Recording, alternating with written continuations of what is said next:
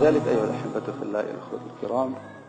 الأمة الآن دائما تتكلم بالموعودات.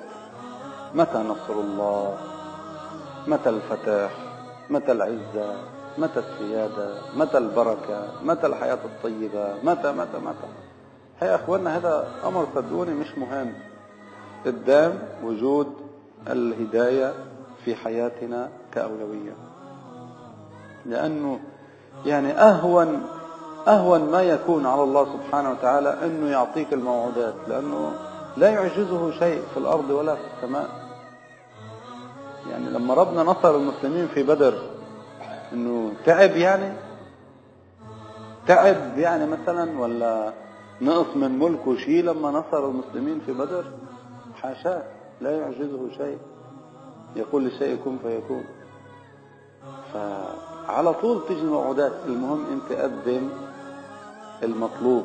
اشتغل على المطلوب. فهذه المعادلة اللي اليوم ذكرتها شوي بالخطبة كثير مهمة يا إخواننا. هي هذه لب الدين وفهم الدين. كانت الدعوة قامت الدعوة فقام الدين. قام الدين فجاءت الفتوحات وفلسطين. خلافة إسلامية والنصر و. ضعفت الدعوة ضعف الدين. ضعف الدين ضعفت الموعودات. تركت الدعوة ترك الدين. ترك الدين ذهبت الموعودات. فنحن هلا بنجي شو بنعمل؟ يعني خليني احكيها بطريقة ثانية جاء مزارع واشتغل على أرض بور نكش وساوى واشتغل وهيأ وحرس وبذر وزرع وسقى وسود وصون واشتغل اشتغل جهد المزارع جهد جبار. بعدين بجهد المزارع شو صار فيه صار في شجر. جهد المزارع صار في شجر. صار في شجر صار في ثمر. ضعف جهد المزارع شو بصير؟ ضعف الشجر. مش بروح لا ما بروح بس بضعف الشجر. يكون بنتج مثلا 5000 صندوق صار ينتج 3000 صندوق 2000 صندوق. يعني ضعف الجهد عليه. انت يكون عندك عريشة على باب البيت بس تيجي موسم التقصيف قصفها مظبوط. بدها تطعيم طعمها بدها رش رشة. وإياها ظبطها بعرف شو أنا يعني. المهم شغلة اللي بيعرفوا فيها. تقول ما شاء الله اللي عريشي غير شكل واتركها على البركة. لكن تركها على البركة. لا يقصفها ولا يشتغل عليها. شوف انتاجها. في جهد المزارع في شجر. في شجر في ثمر. ضعف جهد المزارع ضعف الشجر ضعف الشجر ضعف الثمر. ترك جهد المزارع. شو بيصير بالشجر؟ خلص خرب الشجر وخرب الثمر. فهلا نحن بنيجي بنشتغل شو هلا نحن كمسلمين بعد 1400 سنة بنيجي بنقول بدنا ثمر بدنا نصر بدنا عزه بدنا خلافة بدنا كذا بدنا كذا. ما بيمشي الحال. في معادلة لابد نمشي عليها. قامت الدعوة فقام الدين قام الدين فجاءت النصرة والخلافة وفلسطين وكذا. سيدنا النبي ما دخل على فلسطين فاتحا. بس هو اللي فتح فلسطين. هو فتح الأندلس. هو فتح باكستان. هو فتح بنغلاديش. هو فتح الهند. هو فتحها بجهده.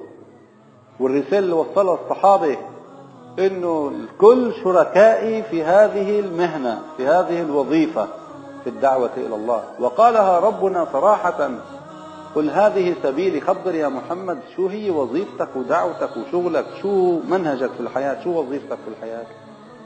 قل هذه سبيلي أدعو إلى الله على بصيرة أنا ومن اتبعني. هذا اللي فهموه الصحابة يا أخوانا الصحابة فهموه فهم كامل هذا الكلام اللي نحن طبعا الحمد لله حافظينه يعني أغلبنا حافظ وحافظ هذه الآية. كثير مسلمين الحمد لله بيعرفوا إنه نحن أخي ما في نبي بعد محمد عليه الصلاة والسلام. بالنهاية نحن لازم نحمل هم الدعوة ورسالة الدعوة ورسالة الإسلام. مضبوط انت بدنا نبلش هون النقطة. فهلأ جرحنا اللي عم ينزف في فلسطين أو في العراق أو في أي مكان في العالم هذا بنتيجة ضعف الدين في حياتنا. هذا اللي لازم إخواننا يكون مشروعنا الأكبر. نستنفر طاقتنا طاقاتنا كلها سوا ونصير شغلنا الشاغل فعلا كيف يحيا الدين في حياتنا. ونتفكر كيف يحيا الدين في حياتنا. يعني المشكلة عنا المشكلة مش مش برا المشكلة عنا. مش صحيح يا إخواننا زي ما بعض الناس بيصوروا إنه المشكلة في أمريكا و... أو مشكلة في الصليبيين أو مشكلة في أوروبا أو مشكلة في روسيا أو مشكلة مش عارف مش صحيح. هيدي سنة الخلق. دعوة حق ودعوة باطل هذه سنة الله عز وجل في الأرض. ولكن ما بدنا نقعد نلوم الباطل مش معناتها عم نعطيه شهادة براءة. ما بدنا نلوم الباطل إذا أهل الحق تاركينه. ليه بدك تلوم الباطل إذا أهل الحق تاركينه؟ ليه؟ واحد بيحكيني مثلا بلا مؤاخذة عن أخته. شو أخته؟ رايحة جاي مع الشباب وياخذوها لهون ولهون جاء عم يحكيني. إنه عرفته للشاب اللي عم بياخذها وبيجيبه. شو بعمل بدمي؟ قلت له طب وأختك شو عم تعمل؟ أنت ضابطها يا أخي ما حدا قادر لا. طب شو خص الزلم شو يعني؟ شو بتدمي ما أختك أنت مش ضابطها ولا قادر تضبطها. تعلق بأختك. وبعدين إذا اجى تعدى عليها كل حادث حديث بس. أما أنا أختي فلتاني وبرجع بقول بروح بضربه وضربته بتشوف واحد تاني. بدلك تضرب العالم. فهمتوني يا اخوانا المشكلة عنا ليه بدنا نكذب على بعض. ليه بدنا نكذب على بعض. الدين في حياة المسلمين ليس بالمستوى المطلوب. فهذا بده شغل. أنا عم بحكي الكلام من باب التيئيس هذا من باب الحقيقة. هذا اللي بده شغل. لما الصحابة الكرام هزموا في أحد تساءلوا فيما بينهم. ليش ربنا ما نصرنا؟ ما هو وعدنا بالنصر. نحن خدامه ونحن مسلمين. نحن لازم ننتصر لأنه نحن على الحق. وطبعا يقينهم كان عالي جدا. ونحن على الحق لازم ننتصر. ما في مجال ليه بدنا ننهزم.